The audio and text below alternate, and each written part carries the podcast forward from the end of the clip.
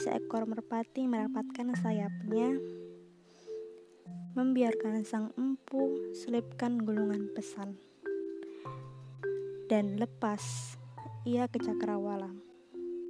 Terbang menuju kapal di sana. Angin bertiup seolah berlomba dengan ombak, menciptakan buih di pinggiran geladak. Seseorang menatap langit biru. Kata nenek, birunya adalah pantulan air laut.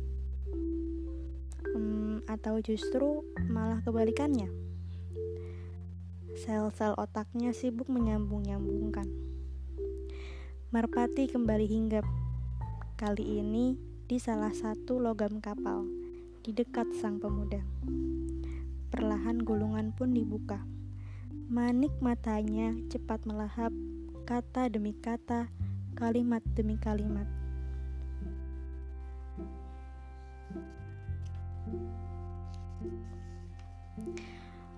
Untukmu, sang kapal, tetaplah berlayar, atur kendalimu. Perjalananmu masih panjang, destinasi pun masih di kata buram. Saat waktu izinkan, merapatkan merapatlah pada dermaga Mari bertemu di pelabuhan.